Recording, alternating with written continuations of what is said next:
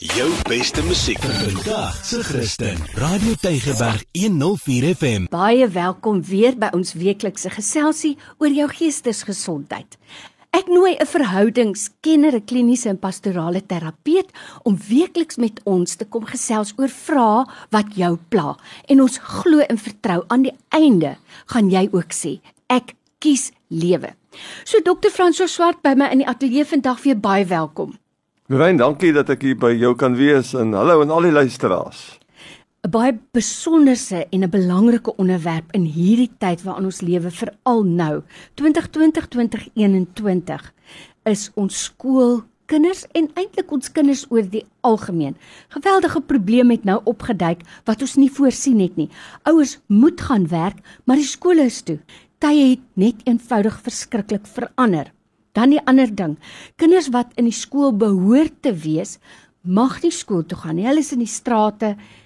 Wie se verantwoordelikheid is daardie kinders? Is dit vir my as ouer om te sê dis die staat se skuld? Dit is die skool se skuld. Waar begin en eindig die verantwoordelikheid van my as ouer? Ons kan onthou, Lorraine, jy kan onthou ook met klein kinders.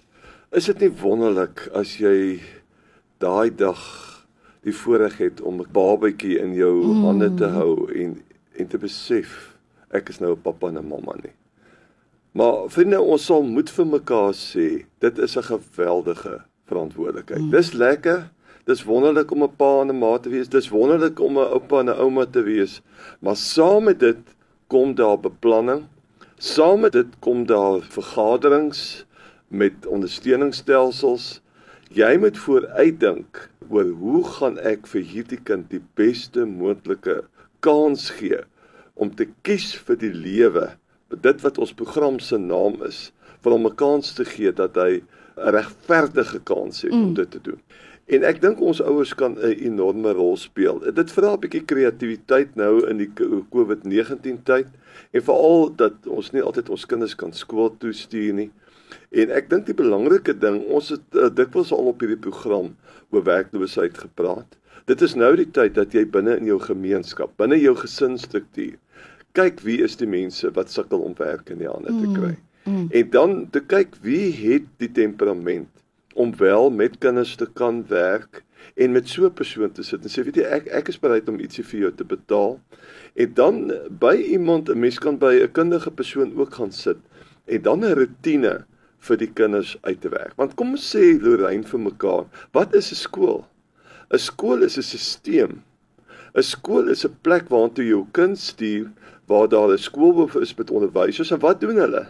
Hulle het 'n rooster en hulle het die dag wat jy jou kind daar aflaai, het hulle in seksies ingedeel in periodes en hulle werk met 'n plan. Hulle werk met 'n syllabus. Nou ons kan iets daarvan wanneer ons kinders by die huis is, selfs oor naweke en dit geld ook vir vakansies. Jy moet gaan sit en jy moet met iemand sit en praat wat vir jou kan help. Te sê, wat is die soort van aktiwiteite wat belangrik is vir hierdie kind op hierdie stadium mm. van sy lewe? Want 'n laerskoolkind en 'n hoërskoolkind het ander behoeftes. Voorskoolse kinders wat in die grondslagfase is, hulle het 'n ander soort van rotine en daar moet afwisseling wees. En jy vra dan vir daardie persoon wat werkloos is om net hierdie program wat jy uitgewerk het, asseblief net te sorg dat dat die kinders by daardie program bly. Dit is waar die kreatiwiteit moet kom. 'n Mens moet dalk vir jou 'n bietjie 'n boek kry oor kinderontwikkeling en daar is goed wat jy kan aflaai, opvoedkundige programme, speletjies. Deesdae sien ek ook as jy net bietjie gaan kyk, is daar mense en ons kan miskien dit later op 'n later program aan die mense bekend maak. Daar is opvoedkundige goed, daar is organisasies nou wat skoolse labusse mm. op 'n baie aangename manier aanbied vir kinders wat interaktief is wat hulle op die rekenaar kan sit.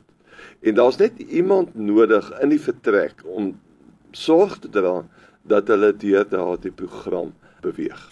Nou dokter Frans, 'n baie belangrike ding wat jy nou noem is ons kan eintlik identifiseer om ons. Kyk sien nou maar 'n paar ouers wat moet werk, kan saam staan en sê, maar ons is bereid om elkeen X bedrag te gee en identifiseer dan 'n verantwoordelike persoon wat jy kan vertrou met hierdie taak, 'n persoon wat tans nie werk het nie, om met hierdie kinders 'n program te volg. En ek dink die mooi woord wat jy van tevore ook al gebruik het is dat hulle net in 'n ritme bly.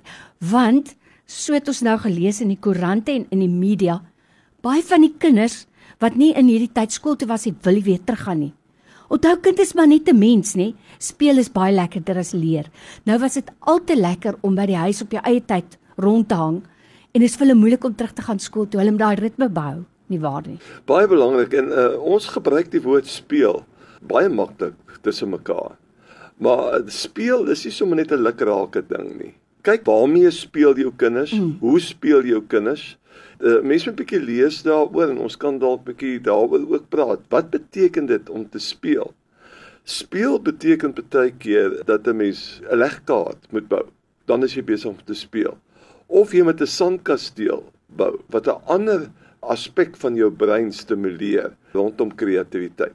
Lorraine, hoe baie het ons dit nie gedoen toe ons klein was nie. Dit is belangrik vir ons om in bome te klim, mm. om te swaai. Mm. Uh ons ouers het nog vir ons boomhuise gebou.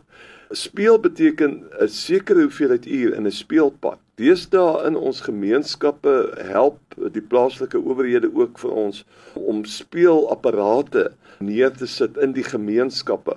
Uh, jy moet 'n stuk beplanning doen en sê goed, ek gaan my kinders laat speel. Hulle is in daardie lewensfase. Hulle gaan 'n bietjie rekenaarspeletjies speel, maar ek gaan ook met hulle speel. En dinge soos vrot eier op die voorste gras om net onder die handjies mm. klap te speel, 'n bietjie Monopoly te speel, van hierdie bordspeletjies te speel, dan gaan ek bietjie skaak speel. Daar moet beplanning wees dat daar 'n wisselwerking is tussen liggaamlike speletjies waar hy 'n bal skop, waar hy in die sonlig kom, waar hy 'n bietjie Vitamiene D kry, maar ook waar hy in huis speel en daar werk word aan sy konsentrasievaardighede soos byvoorbeeld 'n legkaart. Dis uh, ons moet anders dink oor speel en ons ouers kan die speelaktiwiteite van ons kinders kan hulle ook beplan. En 'n mens kry veral uh, baie goeie idees by ons kleuterskool mense. Hulle is opgelei om hierdie soort van aktiwiteite agter mekaar te sit en 'n mens kan van daardie aktiwiteite ook in jou huishouding en familielewe kan jy toepas. Dr. François Swart by ons in die ateljee, hy's 'n verhoudingskenner en 'n kliniese terapeut en ons gesels vandag met jou oor die verantwoordelikheid van ouerskap. Jy weet Dr. François, iemand het eendag gesê enige een kan 'n ma 'n pa wees. Iemand so jonk as 13 en 14 Maar nie elke persoon kan 'n ouer wees nie. Ouerskap is 'n verantwoordelikheid. Ek dink dis die eerste ding wat ons vir mekaar sê. Uiteindelik bly jou kinders jou verantwoordelikheid. En dan die tweede ding glo ek ook dat 'n gemeenskap ook die ubuntu. Ons moet ook verantwoordelikheid neem vir die kinders in ons gemeenskap. En ek dink 'n goeie idee sal wees Ek neem nou my eie huis byvoorbeeld. Hoeveel bordspeletjies is daar nie in my kas wat ek nie meer gebruik nie? Om te gesels met jou gemeente of met jou plaaslike owerheid en te sê, hoor jy het julle dienssentrums hier, ek het 'n paar bordspeletjies of legkaarte wat ek wil skenk sodat ons ook verantwoordelikheid neem vir die kinders in ons gemeenskap. Want weet jy wat? Uiteindelik as dit met hulle sleg gaan gaan dit met jou en my as belastingbetaler ook sleg gaan So dit is reg ook uiteindelik 'n deel van ons verantwoordelikheid. Dit is en uh, ek is so bly jy noem die woord ubuntu. Ubuntu is 'n wonderlike ding wat uit die hele Afrika konteks uitkom en ons is in Afrika. Ons is uh, as gevolg van ander mense rondom ons. Dit is wat ons sê. En dan die hele gedagte, dit is nie net 'n pappa en 'n mamma wat 'n kind grootmaak mm. nie. Dit is 'n hele gemeenskap. En ek dink daar kan 'n mens netwerke vorm en saam hande vat. Jy kan werkloosheid op dié manier bekamp.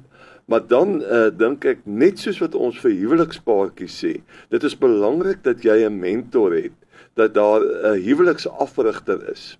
Moet ons vir al ons ouers sê, as jy 'n ouer is, jy moet weet daar was voor jou ook mense wat uh, met ouerskap mm. geworstel het.